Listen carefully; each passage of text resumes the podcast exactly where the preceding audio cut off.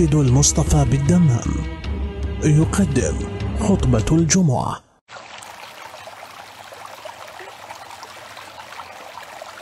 السلام عليكم أيها المؤمنون ورحمة الله وبركاته. وتقبل الله أعمالكم جميعا. من وصية لأمير المؤمنين إلى ولده الإمام الحسن سلام الله عليه يقول في ضمنها يا بني اجعل نفسك ميزانا فيما بينك وبين غيرك فاحبب لغيرك ما تحب لنفسك واكره له ما تكره لها. ولا تظلم كما لا تحب أن تظلم وأحسن كما تحب أن يحسن إليك. هذه مقطوعة من وصية طويلة للإمام أمير المؤمنين سلام الله عليه. وصية ربما البعض يعرفها ويحفظها وقد قرأها. نقتبس منها هذه الجزئية التي نستطيع أن نعنون هذه الجزئية فن التعامل مع الآخر.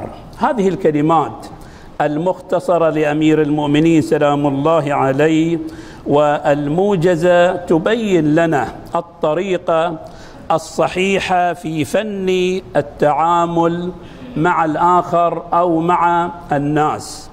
هذا يعتبر فن من فنون حركة الإنسان في هذا المجتمع ويحتاج إليه كل إنسان صغير كبير.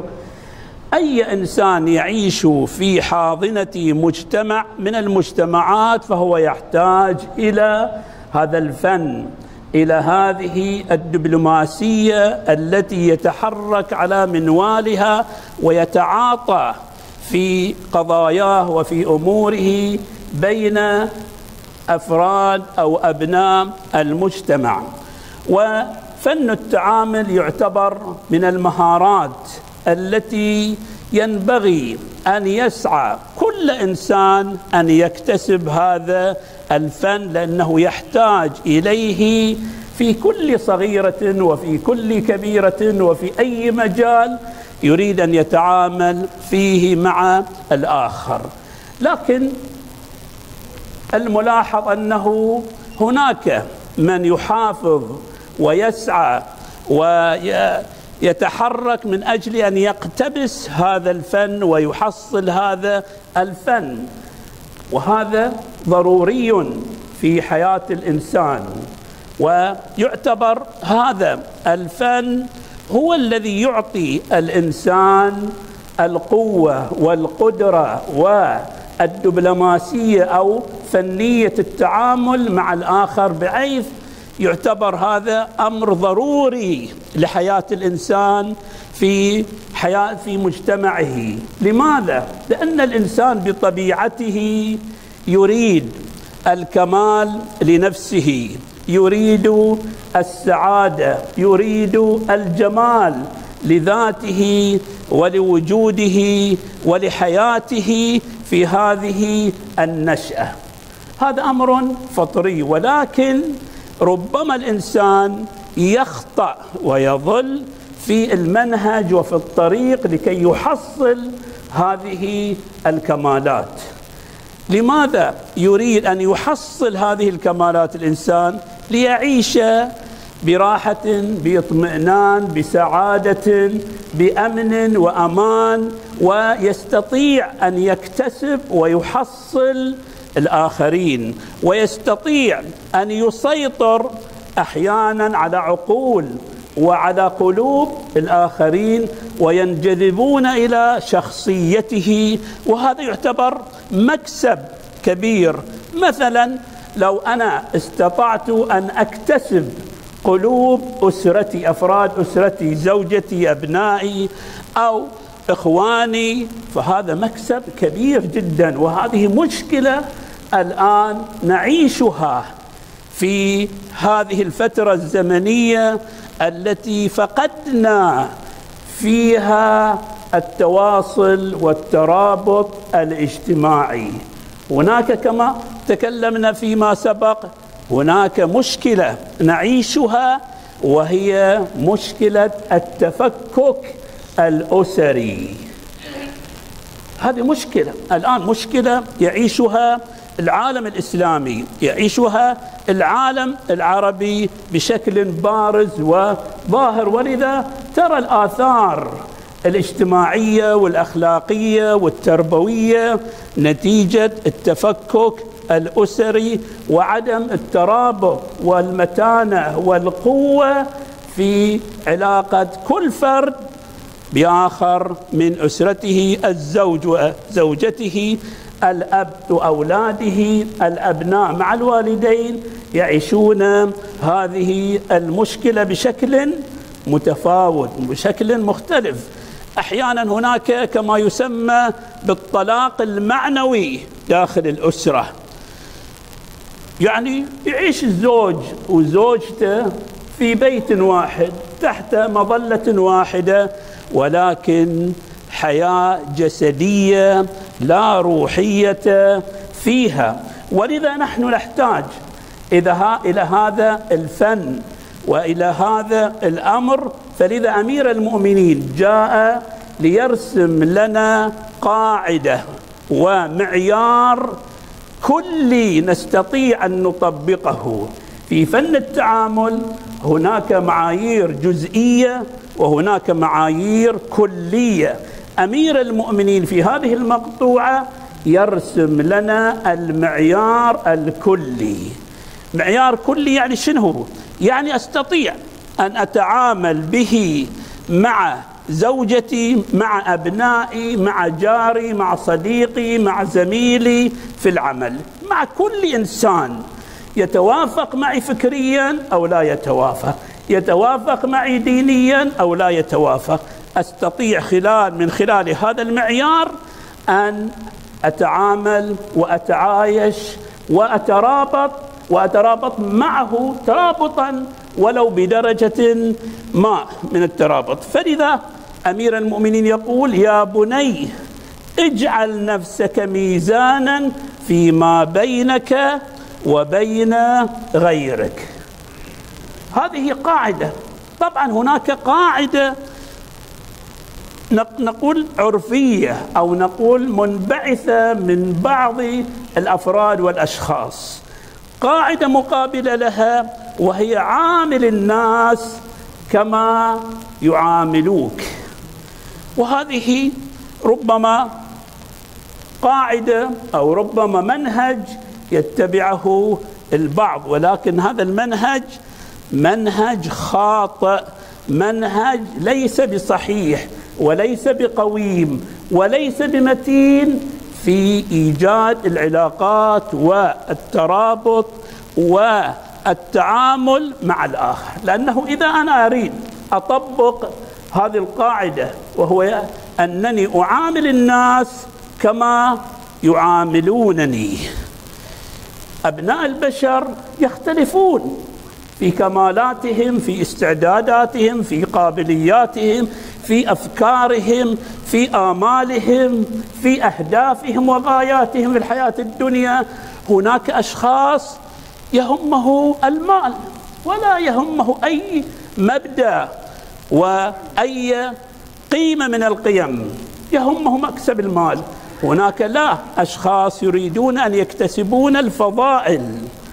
هناك أشخاص تختلف قابلياتهم هناك أشرار في المجتمع هناك أخيار في المجتمع هناك من يحملون الصفاء والنقاء والحب والإيثار وهناك بعكس هؤلاء. فإذا أنا أجعل هذه القاعدة وهي أنني أعامل الناس كما يعاملونني. هناك شرير سوف أتعامل معه. هناك مخادع ومخاتل سوف أتعامل معه. هناك من هو جشع فأتعامل معه. فإذا أنا أقابل الآخر بالتعامل شو يصير؟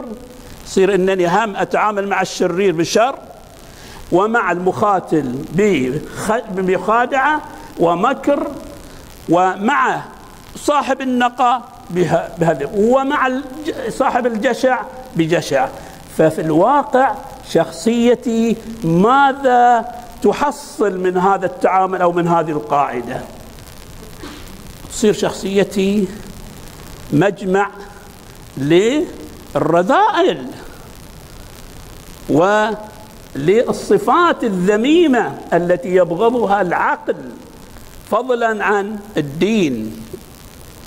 أما إذا جعلت لا القاعدة التي يرسمها أمير المؤمنين سلام الله عليه وهو أنه تعامل الناس تنطلق في معاملاتك مع الناس من نفسك أنت. ماذا تريد من الناس أن يعاملوك به؟ فتعامل الآخرين. ولذا يقول اجعل نفسك يعني انطلق من نفسك أنت. لا تنطلق من الآخر وإنما من نفسك ميزانا فيما بينك وبين غيرك.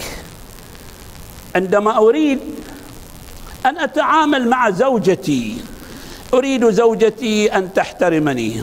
أريد زوجتي أن تقوم بكل الوظائف التي أريدها. أريد من زوجتي مثلا أن تكون رومانسية.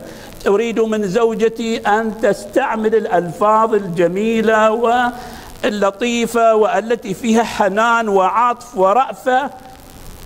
ترسم لي جو رومانسي داخل البيت. طيب هذا جيد حلو مطلب رائع جميل الكل يريده. لكن أنا هل أنطلق من هذا الأمر من داخل نفسي؟ هل أنا أكون رومانسي؟ هل أنا أستعمل الألفاظ الجميلة والتي فيها حنان وعطف نحو زوجتي أو لا؟ أريد زوجتي أن تكون بمظهر بملبس جميل. أنا كيف حالي في هذه الطبيعة وفي هذا السلوك داخل بيتي؟ هل ألبس ملابس جميلة ورائعة أم لا؟ أتجول بفرين وسروال داخل البيت. أو ألبس ملابس لا. يعني تستأنس بها. لا المفروض أنا أيضا عندنا قاعدة وعندنا رواية تقول كل ما تشتهي والبس ما يشتهي الناس لأن هذا يعكس شخصيتك. هذا يبرز ثقافتك فكرك أنك هل تريد الجمال وتريد أن تجذب الاخرين وتريد أن الأشخاص الآخرين عندما ينظرون إليك يستأنسون وتدخل عليهم المسرة بهذا المظهر بهذا الملبس أم لا؟ أنا عندما أريد من زوجتي أن تلبس أنا لابد أني ألبس. النبي محمد صلى الله عليه وآله وسلم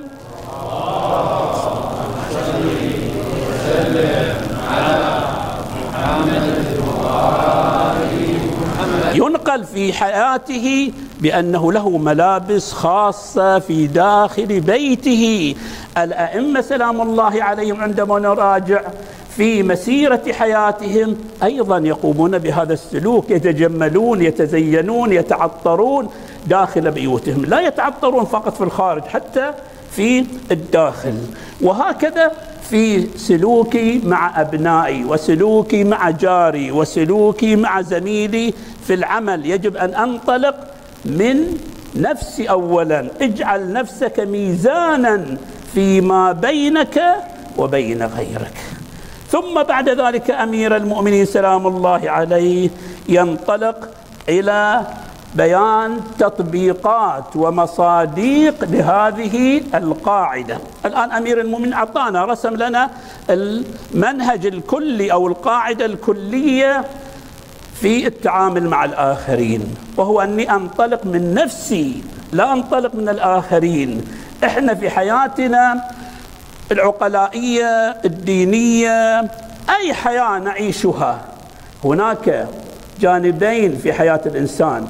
هناك حقوق وهناك واجبات. كما أنه أنا لي حقوق على الآخرين أقول لولدي احترمني لي حق على ولدي. أيضا هناك واجبات وهناك حقوق هناك واجبات موجهة إلي نحو أبنائي. هل أنا أتعامل مع ولدي بإحترام وتقدير أو لا أتعامل مع ولدي بإحترام وتقدير وإنما أتعامل بدكتاتورية بتنمرية مع ولدي فهذا حتما ينعكس على شخصيته في تعامله معي. فهناك واجبات وهناك حقوق كما أطلب يطلب الآخر ولذا أمير المؤمنين يأتي ويقول فاحبب لغيرك ما تحب لنفسك. شوف أنت نفسك شنو تريد؟ شنو تطلب من الآخرين تطلب احترام تقدير. أيضا الآخرين يطلبون احترام وتقدير. تطلب أن تكون شخصيتك ومصداقيتك قوية متينة في المجتمع أيضا الآخرين يطلبون أن تكون لشخصياتهم ومصداقيتهم قوة ومتانة في المجتمع. ولذا عليك أن تحافظ على هذا الشيء في التعامل. فاحبب لغيرك ما تحب لنفسك. أي هذا المجال؟ الحب. أيضا في أمير المؤمنين يقول في مجال الكره واكره له ما تكره لها. شنو تكره؟ أنه يوجه إليك اللوم والنقد والتجريح لشخصيتك أيضا أنت عليك أن تكون دقيق لا تجرح شخصيات الآخرين ولا تسقط شخصيات الآخرين ولا تنقد الآخرين نقدا جارحا ولا توجه لهم اللوم المؤلم والمؤذي. كما أنك تكره أن أي شخص يوجه إليك ذلك أيضا عليك أن تكره أن توجه هذا الكلام إلى الآخر.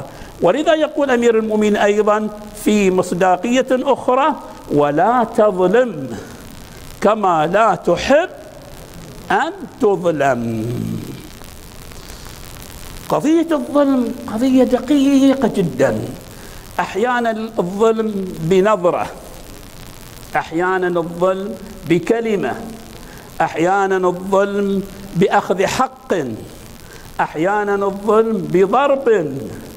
فلذا نكون دقيقين في كلماتنا في نظراتنا في أفعالنا. اخذ وأعطي.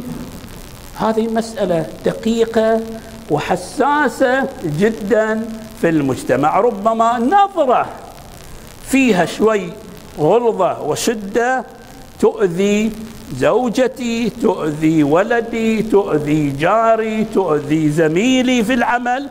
نظرة فيها استحقار فيها اشمئزاز فيها استقراف. فتؤثر على شخصيته وربما أنا لست محق في نظرتي. أو في كلمة تخرج مني. فالمسألة جدا دقيقة. وأحسن كما تحب أن يحسن إليك. كل شخص يحب أن أن يوجه إليه كل صفة جلالية وجمالية. ما حد أي حتى كما يقولون حتى الجاهل لا يريد أن تقول له أنت جاهل. ربما هو يقر في داخل نفسه بأنه جاهل بهذه النقطة بهذه المعلومة بهذه القضية لكن لا يرغب ولا يحب أن يقال له بأنك جاهل. ليش؟ لأنه يحب أن يوجه إليه الصفات الجمالية والصفات الجلالية لشخصيته. ويمدح ويثنى. فلذا كما تحب ذلك أنت وأحسن كما تحب أن يحسن إليك. واستقبح من نفسك ما تستقبح من غيرك. وارضى من الناس بما ترضاه لهم من نفسك. وقت انتهى عشرين دقيقة والحمد لله رب العالمين.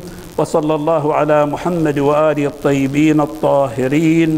اللهم اقضي حوائجنا اللهم شافي مرضانا اللهم وأنزل شابيب الرحمة على موتانا بجاه محمد وآله الطاهرين. وصلى الله على محمد وآله الطاهرين.